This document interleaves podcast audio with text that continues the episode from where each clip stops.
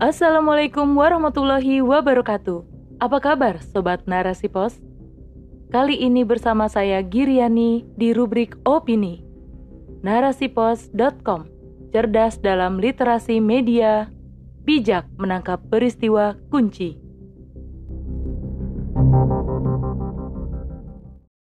Anti narkoba, anti juga liberalisme, agar bangsa dan generasi terjaga oleh Uki Naik. Kepala Badan Narkotika Nasional Republik Indonesia, Komisaris Jenderal Petrus Reinhard Golose, membantah dengan tegas tentang wacana legalisasi ganja untuk kebutuhan medis atau rekreasi di Indonesia.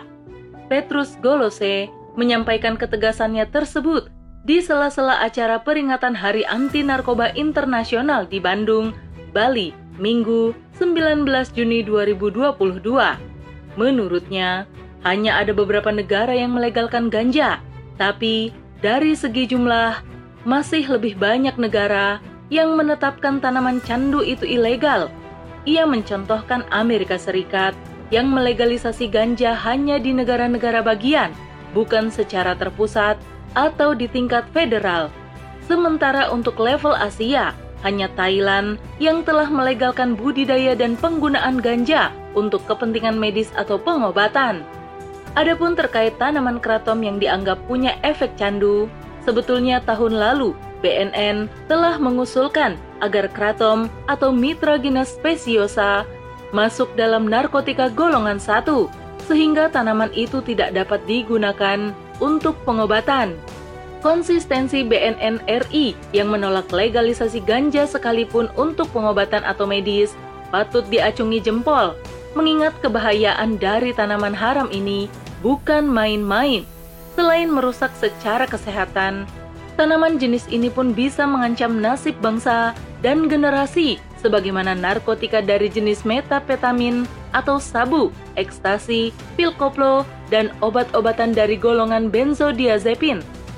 Tidak dilegalisasi saja, kasus pemakai dan pengedar ganja atau narkoba terus ada, apalagi bila dibebaskan. Mirisnya, para pemakai biasanya mereka yang masih berusia produktif atau berstatus sebagai pelajar. Bila dibiarkan, nasib mereka akan terancam dengan hilangnya harapan hingga masa depan bangsa yang semakin suram.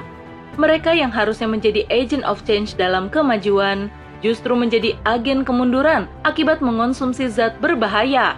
Hal inilah yang diinginkan imperialis barat agar mudah merampas kekayaan dalam negeri tanpa perlawanan.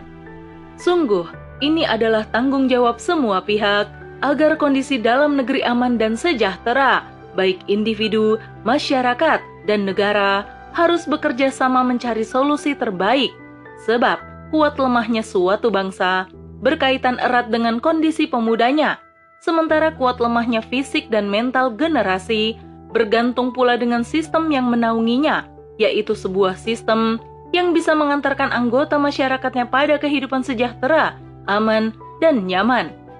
Kehidupan tersebut tentu tak mungkin terjadi di era saat ini dengan kapitalisme liberal yang ada di tengah masyarakat cara pandang kapitalisme akan kehidupan yang jauh dari tuntunan agama telah memberikan kebebasan pada individu untuk mencapai kebahagiaannya sendiri.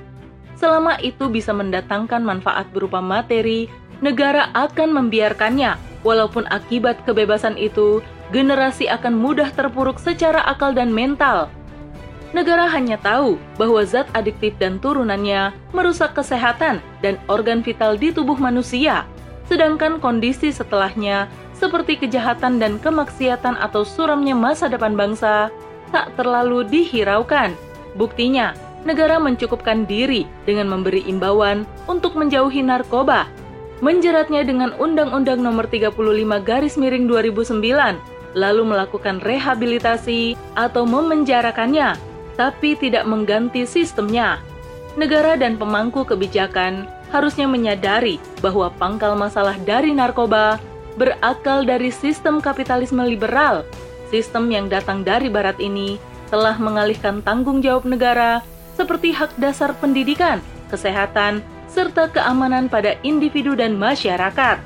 Begitu pula kewajibannya untuk menjaga moral bangsa diserahkan pada institusi keluarga atau lembaga pendidikan yang berbasis sekuler liberalisme.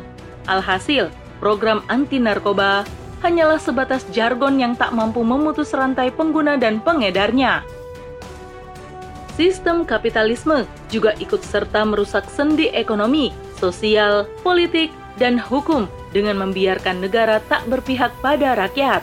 Ketika rakyat terimpit dengan masalah yang datang dari sistem, negara diam atau memberi perhatian ala kadarnya. Masalah yang terakumulasi pun memengaruhi juga generasi untuk mencari pelampiasan pada jalan yang salah.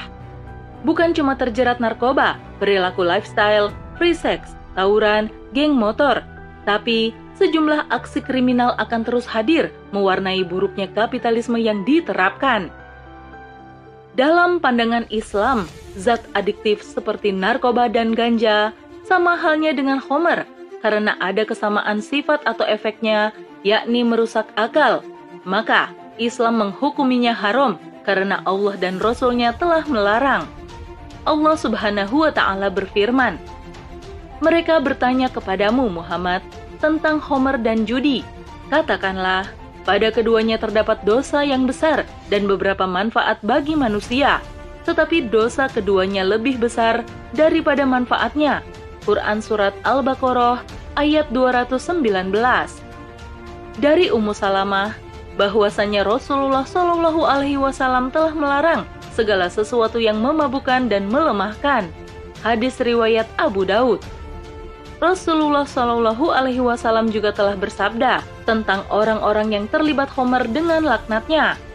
Homer atau minuman keras itu telah dilaknat zatnya, orang yang meminumnya, orang yang menuangkannya, orang yang menjualnya, orang yang membelinya, orang yang memerasnya, orang yang meminta untuk diperaskan, orang yang membawanya, orang yang meminta untuk dibawakan, dan orang yang memakan harganya diriwayatkan oleh Ahmad atau Yalisi, Al-Hakim, At-Tirmizi, dalam Al-Manhiyat, dan Abu Daud. Atas keharaman Homer dan aktivitasnya sebagaimana dalil nas di atas, maka negara dalam sistem pemerintahan Islam akan hadir menjadi pelayan untuk mengatur urusan umat.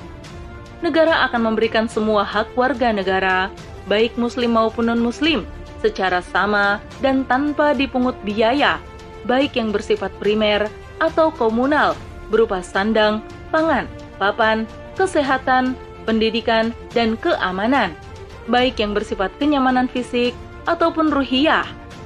Negara dalam sistem ini akan memberikan perhatian penuh agar ketakwaan individu masyarakat terjaga, terutama pemahaman tentang interaksi yang haram dan pengaruh budaya asing yang merusak. Sosialisasi ini diperkuat negara melalui pendidikan berbasis akidah Islam dengan fasilitas maksimal seperti asrama bagi pelajar dan pengajar, laboratorium, perpustakaan, ruang belajar, uang saku bagi para siswa, juga gaji guru dengan standar dinar dirham, ditambah pelayanan kesehatan gratis, negara berusaha menjadikan output generasi yang berkepribadian Islam secara akliyah dan nafsiyah ke arah peradaban Islam yang gemilang.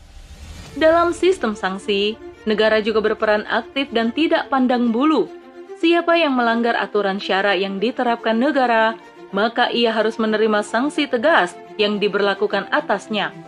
Bagi peminum homer atau pemakai narkoba, sanksinya berdasarkan kewenangan negara atau kodi berupa takzir, yaitu jilid atau cambuk atau hukuman mati. Umar bin Khattab pernah bermusyawarah dengan para sahabat hingga disepakati suatu polemik tentang tingkatan sanksi peminum homer. Apabila orang yang meminum homer masih mengaku sebagai perbuatan haram, maka mereka dijatuhi hukuman cambuk. Tetapi, jika terus saja meminumnya karena menganggapnya halal, mereka dijatuhi hukuman mati. Demikianlah penjagaan hakiki negara dalam sistem Islam, bukan hanya mencegah individu muslim dari kemaksiatan, juga diberlakukannya sanksi agar maksud syariat terrealisasi dalam kepemimpinan Islam. Wallahu a'lam bishawab. Wassalamualaikum warahmatullahi wabarakatuh.